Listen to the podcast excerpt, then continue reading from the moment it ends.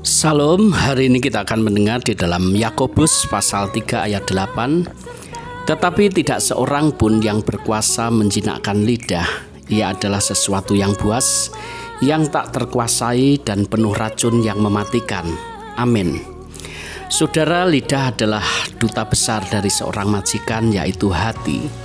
Dia hanya mengatakan dari lumbung hatimu di sanalah pabrik kata-kata yang sesungguhnya di dalam Matius pasal 12 ayat 35, orang yang baik mengeluarkan hal-hal yang baik dari perbendaharaannya yang baik dan orang yang jahat mengeluarkan hal-hal yang jahat dari perbendaharaannya yang jahat. Bagaimana dengan hati dan lidah kita?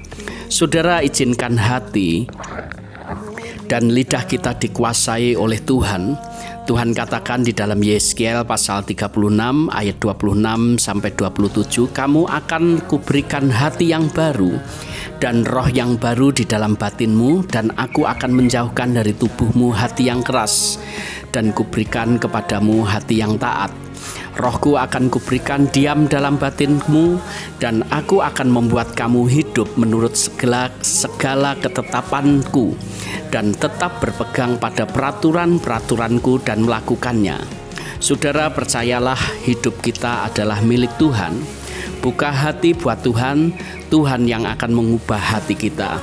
Puji Tuhan, Tuhan memberkati. Amin.